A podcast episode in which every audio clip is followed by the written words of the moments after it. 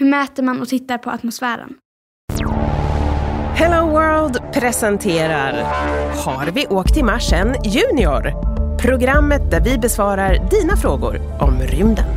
Jag heter Susanna Levenhaupt. Jag heter Marcus Pettersson.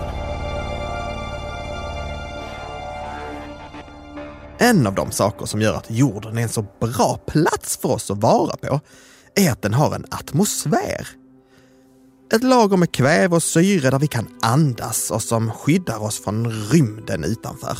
Men tittar man närmare på atmosfären så ser man att den kan delas in i flera olika lager. Närmast jorden finns troposfären. Det är där vi har vårt väder.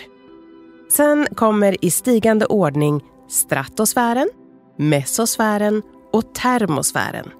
Och där är vi uppe på över 100 kilometers höjd, vilket man brukar säga är där rymden börjar.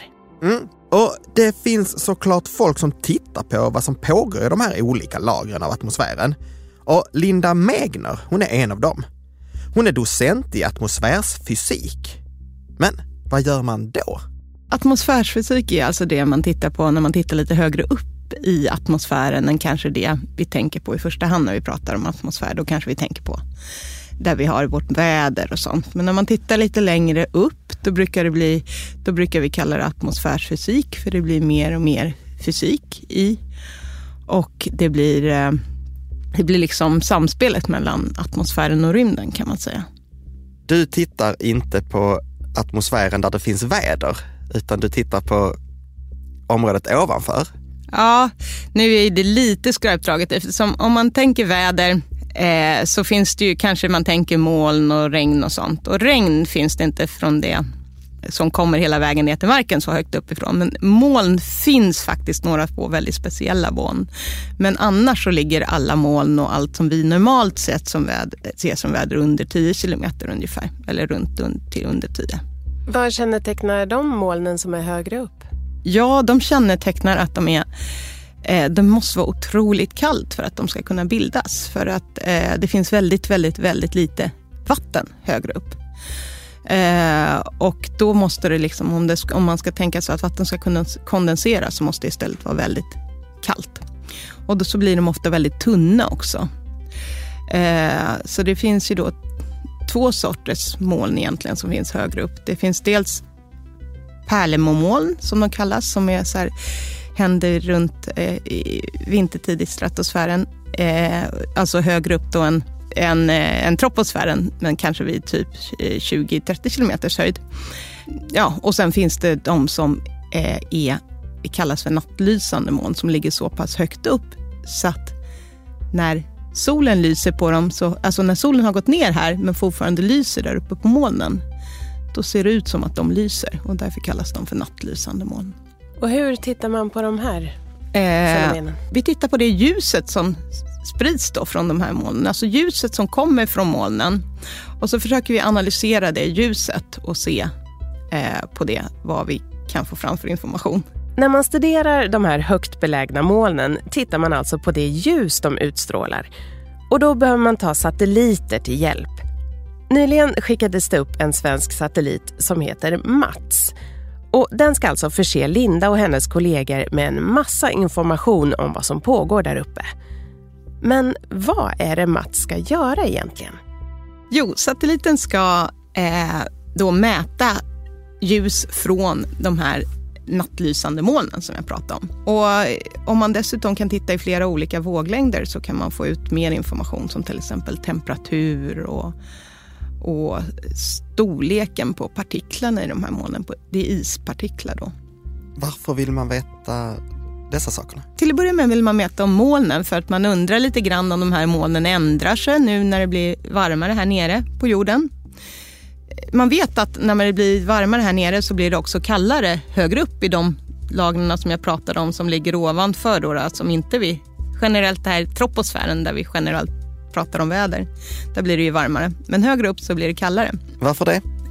Det är lite, inte helt lätt att förklara, men det, man kan ta en analogi om att det är ungefär som att om du tänker att eh, nu när vi får mer koldioxid i atmosfären så kan man tänka sig att det är lite som ett täcke som, eller som en vante som man sätter på eh, jorden. Så om du tänker att du sätter på en, en vante på din hand, eh, då blir ju handen varmare.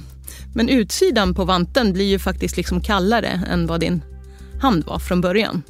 Och det är lite samma, samma grej, att ju fler, ju fler isolerande lager man lägger på så blir det, så blir det kallare högre upp. Och vad kan det ha för effekter i längden? Ja, det är just det man faktiskt inte riktigt vet. Så det är en jättebra fråga. Eh, vi vet ju att man kan få mer moln om det blir kallare. Men vi vet inte det tror vi inte skulle vara så farligt eftersom de är ganska tunna. Men det vi inte vet är om det är någonting annat som ändrar sig när det blir kallare där uppe. Och Det är därför det är så viktigt att ha koll på vad som händer med hela atmosfären nu när vi börjar ändra lite på den. Och där kommer man tillbaka till att satelliter blir en otroligt viktig grej att, att ha för att, för att ha koll på vad som händer med, med hela atmosfären så att säga. Ja, när klimatet förändras påverkar det inte bara vår direkta närhet. Det får effekter även långt uppe ovan molnen. Och för att veta hur det i sin tur kommer att påverka vårt liv på jorden behöver vi ha koll. Tack och lov för satelliter. Men nu är jag nyfiken på namnet. MATS. Vad betyder det? MATS betyder eh, Mesosphere eh, Aerosol Airglow Tomography spektroskopi. Och det var ju ganska många konstiga ord kanske. Men mesosfär då, det är alltså mesosfären och det är om vi pratade om troposfären med vädret förut och stratosfären där som man kanske känner till för att där finns ozonskiktet. Då har vi troposfär, eh, stratosfär och över stratosfären där kommer mesosfären. Och det är första ordet på Mats, så det är runt 100 kilometer kan man säga. Eller ja, egentligen går mesosfären bara upp till, till typ 90 eh, kilometer från, från 50. Där kommer Mats också titta alltså. Och vad är, vad är mellan mesosfären och rymden sen då? Sen finns något som kallas termosfären då, som börjar ungefär vid 90 eh, eller 80, ja, lite beroende på. Men då hade satelliten varit tvungen att heta TATS. Ja, då hade den... Och det funkar inte lika bra. Nej, det hade blivit jättekonstigt. Eh, men den är ju, då, där kan man ju säga då enligt den definitionen så börjar ju eh, Eh, rymden redan i termosfären. Och det är det sista skiktet som gränsar, som gränsar till rymden kan man säga. Eh, och airglow, ja det står för ljus, eller det betyder ju ljussken. Och det är för att eh, det är ungefär kan man säga lite likt eh, eh det är molekyler som avger ljus, lite som ungefär norrsken.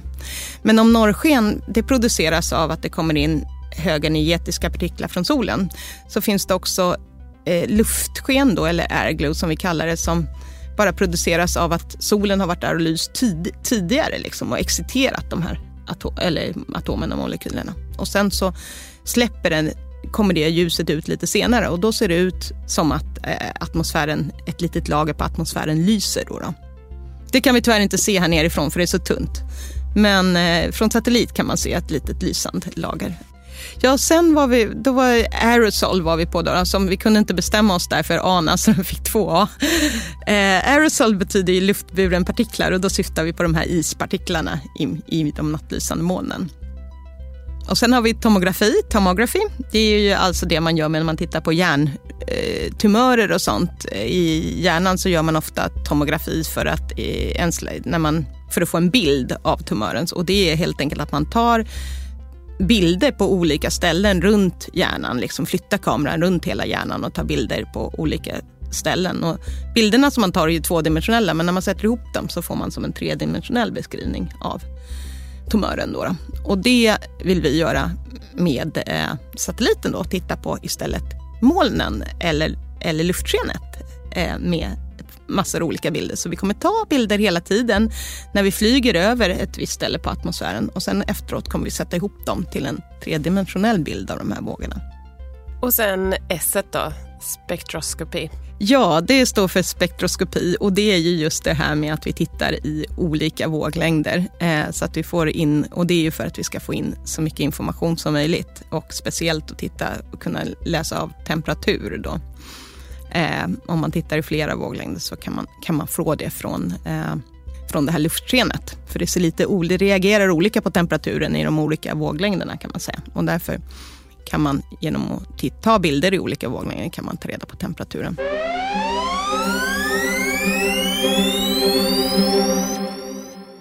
Mats har alltså i uppgift att titta på det näst översta lagret i vår atmosfär, mesosfären, och se hur molnen där beter sig över tid. Mäta vågrörelser, bygga tredimensionella bilder och se hur temperaturen förändras. Informationen som Mats samlar in kommer att användas av forskare runt om i världen och bidrar alltså till att vi ska förstå vad som händer i och med att klimatet förändras. Vill du veta mer om atmosfären, väder och satelliter? Gå in på helloworld.se och klicka dig fram till den här podden. Där hittar du en längre intervju med Linda Megner och en massa annat intressant om jorden och rymden. Jag heter Susanna Levenhaupt. Jag heter Marcus Pettersson. Har vi åkt till Marsen Junior produceras för Hello World i samarbete med Teknikföretagen.